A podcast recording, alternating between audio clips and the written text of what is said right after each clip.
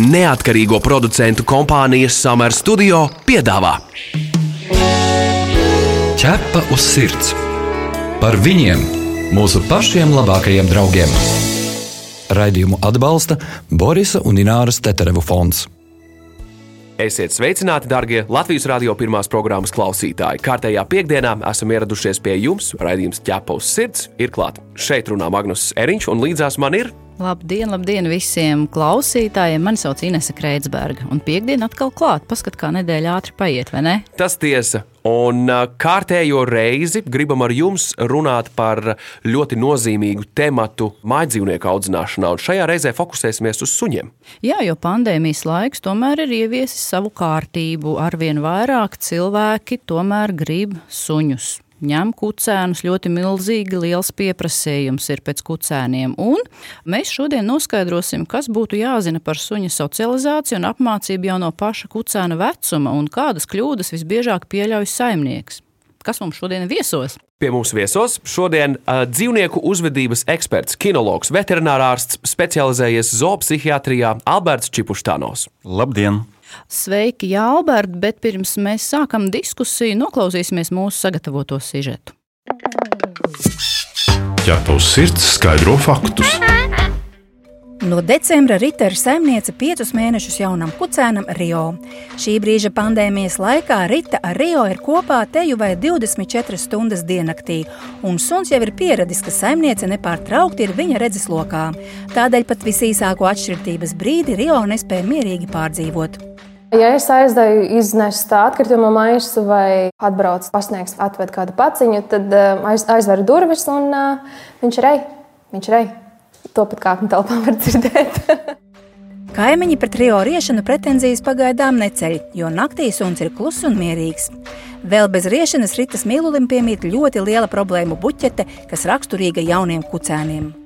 Šobrīd noteikti tā ir rokās košana. Tas ir viens no lielākajiem mīnusiem, ar ko mēs vēl joprojām cīnāmies.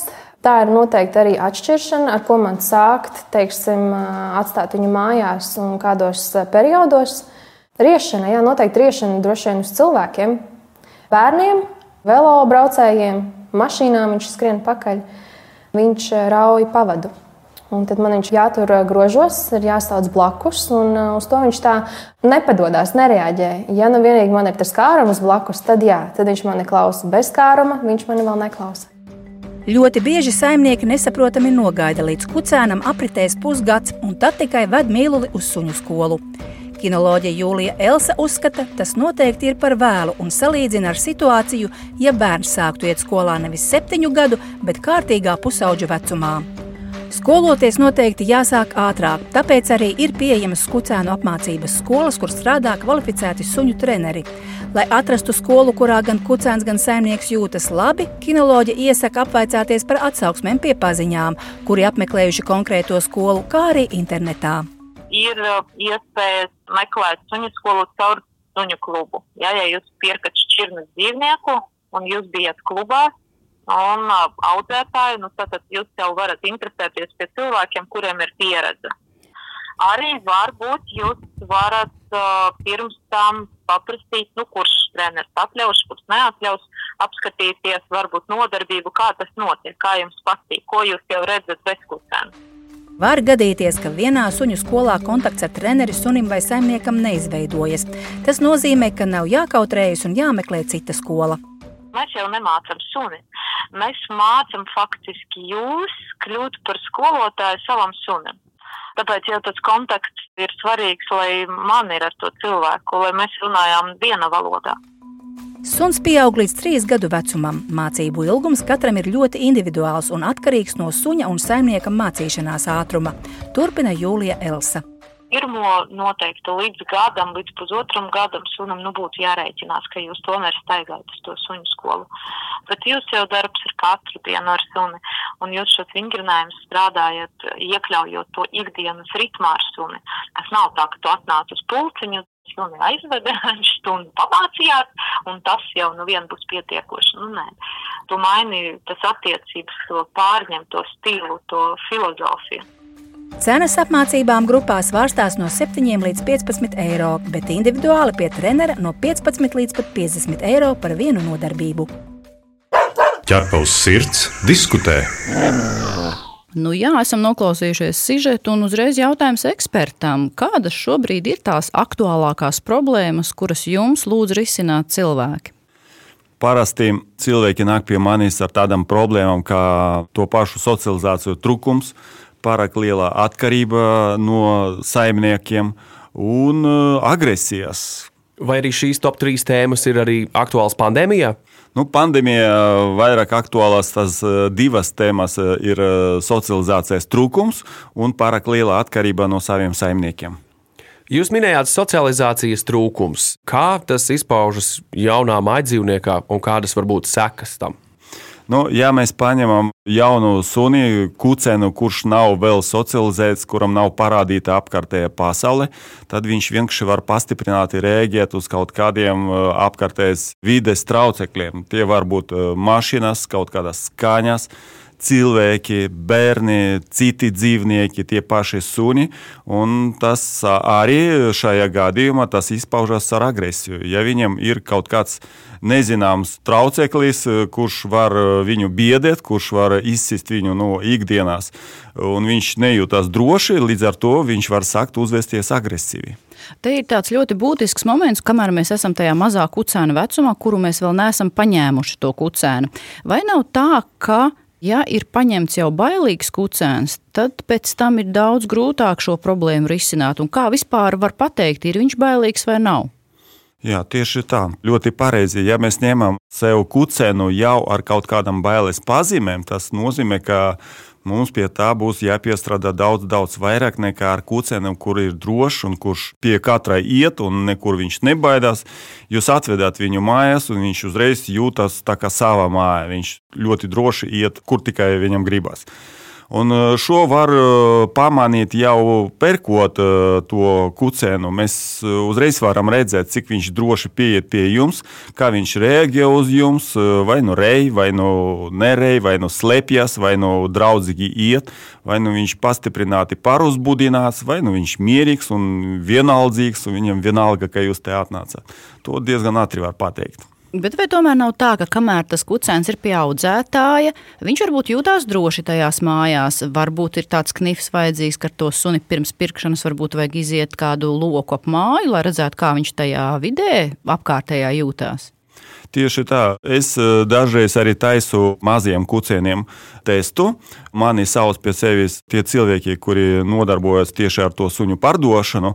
Viņi, eh, lai saprastu, kādam cilvēkam var eh, iedot kādu suni, viņi sauc mani, un es viņus testēju 49. dienā vecumā tādu Ka, maziņu. Kāpēc tieši 49. dienā? Nu, tas skaitās izpētīts, ka uz šo vecumu kūcens, tas, protams, arī diezgan tā nosacīti, bet eh, plus mīnus eh, tas tiešām darbojas un skaitās, ka uz šo vecumu kūcens jau pietiekoši daudz attīstīts, lai parādītu, kas viņam ir iekšā, ir genetiski, bet tajā pašā laikā viņš eh, vēl neparāda to, ko viņš bija iemācījies. Vēl tā apkārtējā dzīve dzīve nedod to, teiksim, tā, nevadā to suņa kaut kādās reakcijās, ja es pareizi izsakos. Var viņu iemācīt nu, kaut ko darīt un nedarīt, un viņš vienkārši uz to vecumu vēl nav apguvis. Viņam nav nekādas iepriekšējas pieredzes, viņš kā balta lapa. Viņš parādā tikai to, bet viņš jau ir spējīgs parādīt to, kas viņam ir iekšā.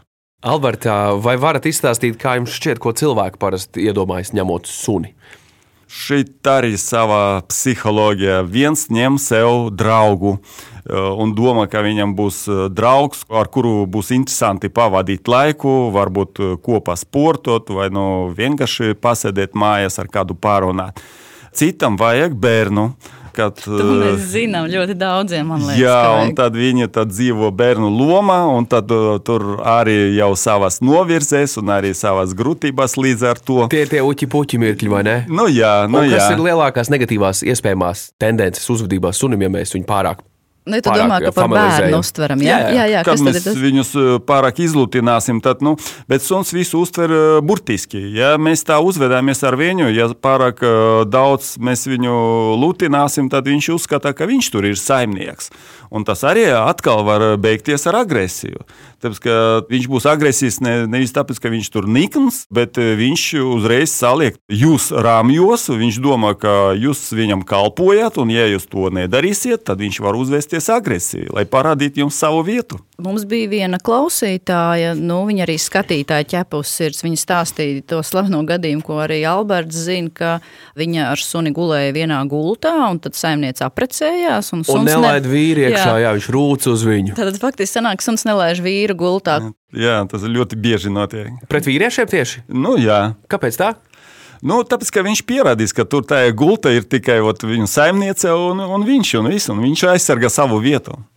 Es domāju, papildinot Magnus jautājumu, ko cilvēki parasti iedomājas, ņemot suni, drīzāk tā, kas tad dzīvē izrādās savādāk. Nu, piemēram, es domāju, man patīk komisārs Reksis, un man varbūt tās jau tāda doma, ka visi suņi jau automātiski tādi būs. Un tad es esmu pārsteigta, ka izrādās ar suni ir jāstrādā. Eh, es tieši domāju, kas ir tās lielākās ilūzijas un pēc tam kā viņas tiek sagrautas. Lielākā ilūzija ir tāda, es uzskatu, ka ņemot suni, visi domā, ka viņš uzreiz būs audzināts, paklausīgs un ar viņu nebūs nekādu problēmu. Bet ar suni, tāpat kā ar cilvēku, tāpat kā ar bērnu, viņam jādod skoliņa, lai viņam kaut ko iemācīties un saprast, kā pareizi dzīvot un ko drīkst un ko nedrīkst. Un ja mēs to neizdarīsim, tad viņš izdarīs nu, tie secinājumi pats izējot no tā, kas viņam ir. Ja mēs viņu lutināsim, tad viņš saprot, ka viņš pats galvenais pasaulē. Parunāsim par uh, saimnieku neizdarību un saimnieku kļūdām. Uh, Alberts, kurš ir tas mirklis, kad no mīļa kucēna rodas suns, kurš daudzviet, diemžēl, tiek turēts pie ķēdes un nikni rei? Kur tad ir tas moments, ja, Jā, kurš bet... tika pārkāpts? Ja? Ko tad tie saimnieki kurā brīdī izdarīja nepareizi, jo neviens jau kucēns nav piedzimis dusmīgs. Jūs runājat par to, kā viņš paliek agresīvs. Ja? Nē, nu mēs, piemēram, domājam par to, ka ļoti daudz vietā, nu, arī laukos var redzēt suņus, kas nikni rei pie, piesiet pie ķēdes, Tātad, nu, kas, protams, nav labākais piemērs. Iespējams, un... tie saimnieki ir nokļuvuši tādā situācijā, kad saprot, ok, šis ir vienīgais veids, kā es ar to sunu tieku galā, bet, kā jau teicām, tas nav labākais piemērs. Kur viņi kļūdījās pa ceļam suņa audzināšanā? Ja mēs redzam suni pie ķēdes, tad tas ir vienkārši nu, pierādums. Tāpēc, ka visu mūžu tā pārsvarā agrāk suņus turēja tieši pie ķēdes. Ne tikai Latvija, ne tikai Padomju Savienība, bet visa pasaulē turēja suņus pie ķēdes, lai viņus ierobežot kaut kādā veidā, lai viņi nekur neskrien projām un lai viņi neuzbruktu citam, tad viņš ir nu, ierobežots ar to ķēdi. Protams, ka tas nav labi. Bet, ja mēs runājam, ka viņš ir atstāts pie ķēdes eh, tikai tāpēc, ka saimnieks nevar tikt galā ar viņu, tad tas pazīmes var parādīties nu, no pirmajām dienām, kad eh, teiksim, eh, mēs paņemam pie sevis kucenu, un mēs vienkārši varam pamanīt tie brīži, kad viņš e, var sākt uz mums e, nikni skatīties, ja mēs e, kaut ko nedodam vai nu gribam atņemt no viņa to, ko viņš bija pacēlis no zemes. Varbūt barošanas laikā mēs dodam viņam bļodu, un tad viņš sāka sargāt savu bļodu, un citi sarga pat tukšu bļodu, un tur arī diezgan daudz ir zināmas problēmas. Varbūt spēlēšanas laikā suns sāka riet uz mums un uzvesties pārāk aktīvi. Viņš paliek pārāk aktīvs un pāruzbudināts, un līdz eh, ar to pāruzbudinājumu viņš pats sevi nevar kontrolēt tajā situācijā. Tur ļoti daudz tādas pazīmes. Labi, un ja pieejam no pilnīgi citas perspektīvas par agresīviem dzīvniekiem runājot, iedomājamies situāciju tādu. Mēs no patvērsmes paņemam it kā agresīvu suni, kurš iepriekšējiem saimniekiem ir brucis virsū un bijis negants, bet te pēkšņi viņš pārvēršas mūsu mājās par dīvānu mīluli. Kā tas ir iespējams? Tad vai nu tie saimnieki iepriekšēji sameloja, jeb kaut kādā veidā savādāk tas ir izcinājums.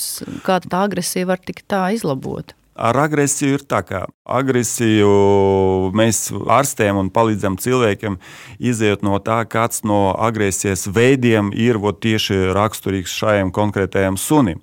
Un šajā gadījumā varbūt tā bija aizsargāšanās agresija. Vienkārši pats saimnieks uzvedās pārāk agresīvi pret savu suni. Sunim nav citas iespējas, kā tikai sevi aizstāvēt. un tāpēc viņš bija agresīvs.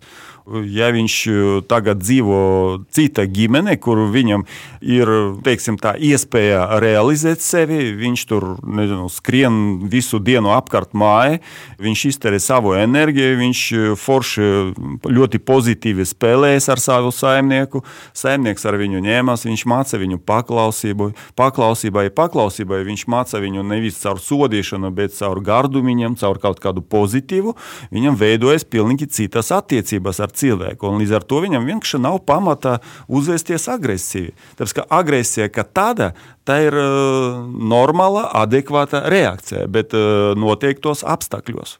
Mums viena klausītāja saka, ka viņa ir novērojusi, ka neaudzinātāk izrādās mazi sunīši. Vai tas tā ir vai nav? Nu, Daļai varbūt jā, tāpēc ka mēs eh, varbūt redzam sev apkārt eh, mazos sunišus, kuri nepārtraukti rej un metas virsū visiem, tāpēc ka tie saimnieki uzskata, ka viņš ir pārāk maziņš, un tur nevajag viņam pievērst uzmanību, un viņš neko sliktu tur īpaši neizdarīs. Suņi nav tā kā jāmāca, jā, jā, jāskolo. Jā, mazu suni nav jāmāca. Jo viņš nevar jā. nodarīt pāri apmēram tā, ja? Jā, un ja liels to darīs, tad, protams, ka tas sēkas varbūt nu, daudz drausmīgākas. Jā, es domāju, ka tikai tāpēc. Es gribēju atgādināt visiem radioklausītājiem, ka jūs šobrīd klausāties Latvijas radio pirmajā programmā raidījumu ķepos sirds. Ja jums ir kāds jautājums vai ieteikums, sūtiet mums e-pastu uz info atķepos sirds LV un, protams, atcerieties par mums mūsu uh, sociālo tīklu pasaulē. Meklējiet ķepos sirds. Ķepos sirds! Suņu būda! Alberts, par suņu skološanu. Zinot to, ka tā jums ir ļoti svarīga tēma, vai gadījumā nav tā, ka daudzi uzskata, ka suni pastāvīgi skolot nevajag? Ja vajag tikai īslaicīgi. Nu, teiksim, tā kā nodod uz pāris dienām, Jā, vai kaut kā tāda. Trīs nodarbības būs gana daudz, lai ar viņu pēc tam dzīvē tālāk tiktu galā. Taisnība vai tā tomēr nav? Jā, protams, ka tā nav taisnība. Visiem jāsaprot, ka suns nav kompjuters, kur var ielādēt kaut kādu programmu, tad jebkurš, kur izmanto šo kompjuteru, viņš nospiedīs to pareizo pogu, un programma darbojas. Ar suņiem tā nav. Ja pat jūsu suns ir apmācīts, un uh, vienalga tas nedos teiksim, vēlamo rezultātu, ja kāds cits uh, ģimenes loceklis uh, grib nu, iziet ar viņu ārā, tas nenozīmē, ka viņš klausīs to citu cilvēku tāpat kā jūs, ja jūs viņu mācījāt. Un, ja jūs vēl atdodat kaut kur uz apmācību to suni, tad tas suns, ja viņš būs paklausīgs, tad viņš būs paklausīgs tikai ar to treneri, kurš viņu apmācīja. Un viņš nebūs paklausīgs ar jums, tad viņu būs atsevišķi jāmāca vēl klausīties jūs. Runājot tieši par hierarhiju, šis vārds ir dzirdēts gana bieži. Albert, vai varat izskaidrot precīzi līdz sīkumam, kas tas ir un kur sunim šajā hierarhijā ir jāatrodas? Hierarhija domāta sociālai būtnei, lai vienkārši izdzīvot, lai nebūtu haoss, lai būtu saprātāms, kurš galvenais un kura situācija. Tāpēc, ka hierarhija iz, nu, atkarībā no situācijas un atkarībā no apstākļiem, kur mēs atrodamies, viņa arī dažreiz var mainīties. Un, protams, ka sunim e, hierarhijā dzīvojot savā ģimenē, viņam jābūt pati zemākajā plauktiņā, viņam jāklausa visus, pat pati mazāko bērnu bet tam viņu ir jāmācā. Un nekādā gadījumā nav jāmācā caur sodīšanu. Nedrīkst e, sist suni un tāda veida viņam parādīt, ka viņam jābūt paklausīgam un viņam jābūt tajā hierarhijā pati zemākajā plauktiņā. Un uh, savukārt suns arī uh, nebūs nelaimīgs tikai tāpēc, ka viņš zina, ka viņš ir viszemākajā plauktiņā. Suns būs uh, nelaimīgs tad, kad viņš nezina, kur ir mana vieta kad viņš par visu šaubās, kad situācija uz priekšu viņam nav paredzama. Bet, ja viņš skaidri zina, ko viņam drīkst un ko viņam nedrīkst, un viņš zina, ko gaidīt no saviem saimniekiem, tad ir ok, tad viņš arī būs laimīgs. Tad pareiza hierarhija, suns pašā apakšā un pašā klausa apakšā. pat mazākajam bērnam. Jā. Bet eh, ko darīt, ja tā situācija ir, nu, tā žargonā teikt, ielaista? Nu, piemēram, sunim jau ir 4 vai 5 gadi, tas viss ir bijis tādā pašplūsmā, vai, vai suns ir bijis tādā bērna lomā, vai tad šo hierarhiju tā pēkšņi var iedibināt? Iespējams, to kāds tieši šobrīd klausās un tagad brauks mājās un tā, ah, Man laikam kaut kas ģimenē nebija pareizi ar sunu, jā, vai viņš spēs to jā, izmainīt. Ja viņš uzskata, ka nu jau, nu kur tad nu vairs? Nu jā. Tieši tā, suns tāpat kā cilvēks, viņš ir spējīgs mācīties visu mūžu. Un, līdz ar to šo hierarhiju arī var mainīt. Tas attiecības arī var mainīt gan uz vienu, gan uz otru pusi. Un tāpēc tas ot, nu, bija iepriekšējais jautājums, cik ilgi kā jāmācās suni un cik daudz. Visu mūžu. Visu mūžu jāatkārto viņam, ko drīkst un ko nedrīkst. Un tās pašas komandas, tāpēc ka tas viss ir nosacītais refleks, un ja to neatkārtot, viņš pazūd. Vienkārši pazūd. Tā kā cerības ir. Bet Jā. par to suņu skolu tomēr, kā jūs uzskatāt, cik bieži jāiet ar suni skolā, cik reižu nedēļā, un vai tas jādara visu suņa mūžu? Nē, uz skolu visu mūžu varbūt nevajag iet, ja jūs paši varat uh, turpināt viņu mācīt, bet uh, Iet uz skolu vajag ar vienīgu mērķi. Ja suns ir vajadzīgs, protams, vienkārši dzīvošanai mājās un nekam citam, es domāju nu, par sportošanu, par dienesta suņiem un tā tālāk, ar kuriem vajag daudz vairāk nu, apmācīt viņus. Bet eh, šajā gadījumā vienkārši ar suni jāiet tik daudz uz tām nodarbībām, kamēr jūs sapratīsiet, kā jums pareizi apmācīt savu suni. Un kad jums tas būs saprātāms, un jūs varēsiet mājās to perfekti darīt eh, bez instruktora palīdzības, tad varbūt nu, ik pa laikam vērsties, lai parādītu vienkārši, kādi jums ir rezultāti, vai nu jūs satiekat kaut kādu problēmu, kuru nezināt, kā atrisināt. Tikai tādos. Jautājumos. Bet, ja cilvēkam liekas, ka tas suns jau tāpat ir gudrs, un bieži jau varbūt saimniekam liekas, ka nu, viss ir kārtībā, un viņam tikai vienīgam tā liekas. Jā, protams, ka suns ir gudrs, bet uh, cik viņš ir gudrs un cik viņš ir paklausīgs, tas ir divas dažādas lietas. Šeit vajag vienkārši, es domāju, skatīties no tā viedokļa, cik jums ar viņu viņu komforti dzīvot kopā un cik komforti ar viņu dzīvot jūsu ģimenei un apkārtējiem cilvēkiem, tur, kur jūs ar viņu staigājat vai nu, pavadāt laiku. Paturpinot tieši šo aspektu, Alberts, vai varat pastāstīt par pazīmēm, kur tomēr saimnieks neredz, bet eksperts redzēs, ja un vai suns, kad jau ir uzkāpis saimniekam uz galvas? Alberts jau bieži to uzreiz redz. Mēs arī filmējot mūsu sižetus, kur arī tiek korģēta dzīvnieku uzvedība saimnieks kaut ko rāda vai stāsta, bet Albertam jau viss ir skaidrs. Kā jūs to uzreiz nosakat? Nu, šeit uzreiz var redzēt, kā saimnieks pielāgojas savam sunim un kā viņš cenšas nu, kompensēt tās problēmas, kas ir viņu dzīvē. Viņš piedāvā kaut ko nu, teiksim, apēst eh, sunim, un suns atsakās. Viņš reij viņam virsū. Viņš saka, es to negribu, dot man kaut ko garšīgāku. Un nu, saimnieks uzreiz skrien un meklē leduskapī kaut ko garšīgāku. Tad uzreiz var saprast, kurš no viņiem mājas ir saimnieks. Mums pat bija gadījums, kad suns pieprasīja naktī ēst, un saimnieki cēlās un deva ēst, un viņi to neuztvēra par tādu lielu problēmu, jā, kamēr eksperts jā. to nepateica. Atcerieties, nu jā, jā. Suns jau nezina, cik ir pulkstenis, vai ne? Tā, vai kaut ko līdzīgu viņi teica? Toreiz. Nē, nu, viņa teica, kā, nu, kā tad es nedošu jā. viņam? Ah, viņš taču prasa. viņš taču prasa. Jā. Nevar nedot, tieši tā, nevar nedot. Kā ir ar barošanu un suņiem un šo ritmu? Vai vajadzētu tiešām izveidot divreiz dienā barošanu, vai domāt, tomēr dot sunim, kad vien viņam vienā, ienāk prātā? Jā, tas ļoti aktuāls jautājums, ko Magnus uzdeva. Pasakiet, lūdzu, par to barošanu un par to ēdienu bļodā. Vienreiz un par visām reizēm, jā. Ļoti, ļoti labs jautājums, un uh, tas ir noteicošais jautājums, kādas jūsu attiecības būs ar jūsu suni. Tāpēc, ka, ja mēs barosim viņu tad, kad viņš grib, nevis tad, kad uh, viņam nu, pienākās, tad, kad mēs to lēmsim, kad viņu barot. Un, ja mēs atstāsim viņu bļodu, viņa visu laiku būs pieejama, tad mēs tāda veida tieši parādām viņam, ka mēs viņu apkalpojam. Un viņš tā, tikai skatās uz mums ar tādu nesaprāšanu, kāpēc mana bļoda tagad ir tukša. Nē, jābūt tieši otrādi. Tāpēc, ka tā, ar to barošanu tas ir pats pirmais un pats galvenais, kā ar jaunu kucēnu, kā ar suni paņemto no patversmes, vai nu ar agresīvu suni. Tas ir pirmais, ko es e, visiem saku, ka vajag sakārtot barošanu. Un, ja e, suns gaida no sava saimnieka, kad viņš viņu pabaros, tad viņš skatās uz viņu kā uz Dievu, tad uzreiz mainās tās attiecības, uzreiz e, mainās tā motivācija. Tad viņš būs jau motivēts būt paklausīgam un izdarīt tā, kā grib saimnieks, nevis tā, kā grib suns. Un tas būs iemesls saimniekam pabarot savu suni. Tad tas būtu patiesas apgalvojums, ka sunim jādod ēst no rīta un vakarā. Jā, jā tieši tā, regulāri. Man ir viens tomēr jautājums par suņiem un kaķiem.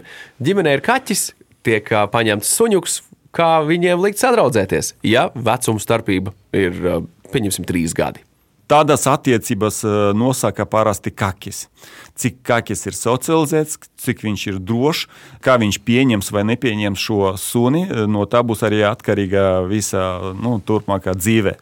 Un, protams, ja suns ir ļoti, ļoti aktīvs, tad kakim varbūt būs bieži grūtāk atrast kopēju valodu ar šo mazo sunīti, bet tad viņiem vajag vienkārši sadalīt to telpu, kur viņi dzīvo, lai kakis dzīvo pa augšu, uztaisīt kaut kādi plauktiņi, izveidot viņam vietas, kur viņš augšā var atpūsties un būt justies droši. Un, protams, padomāt par barošanu, par to, kur stāv bļodā ar ūdens, un suns, lai dzīvo pa apakšu un mācīt sunim neuzvesties pārāk aktīvi attiecībā pret kaki. Nu jā, lai viņam nerodās tas instinkts izdzīt to kaķi, vai jā. ne? Jo būtu labāk labāka situācija, ka pa priekšu ir kaķis un tad ir suns, vai ne? Tā būtu it kā labāk, drošāk kaķim. Principā gan, gan. Ja suns ir apmācīts un viņš jau kontrolējams, tad arī diezgan viegli var panākt to nu, mieru mājās. Es tomēr par tām suņu skolām. Kāpēc daudzi cilvēki sāk skolot suni suņu skoliņā un tad pamet? Bieži tas nav kontakts ar šo saucamo vai nu instruktoru vai kinologu, kā mēs viņu sauksim. Ko varētu cilvēkiem ieteikt? Es parasti šādos gadījumos, nu, ja man zvana un jautā klausītāji vai skatītāji, saka, Jā, Ines, nu, iesaku labāko suņu skolu. Vai iedod labāko kinologu? Nē, viņi drīzāk saka par to, ka nu, nav, nav bijis kontakta. Es vienmēr saku, meklējiet citu. Nu, nav jāiet tikai tur, kur ir tuvākais. Meklējiet, ar ko jums sapas. Bet kas jūsuprāt ir tā sapasēšana? Kam būtu jāsaskan, teiksim, gribētos iet uz to suņu skoliņu? Es, es jums pilnīgi piekrītu. Šeit jāskatās, atnākot uz to skoliņu. Un, nu, protams, varbūt pēc pirmās nodarbības to uzreiz nevar pateikt, bet eh, vienmēr jāskatās, kā tur tajā nodarbībā jūtas jūsu suns. Vai viņš tiešām grib braukt uz to skoliņu? Tāpēc, es daudz dzirdēju no saviem klientiem, ka viņi saka, ka tas suns zina, kad ir tā piekdiena vai no svētdiena un viņš jau gaida to dienu, un viņš jau priecīgs, viņš labprāt lēc mašīnā, lai tikai ātrāk, ātrāk uz to skoliņu.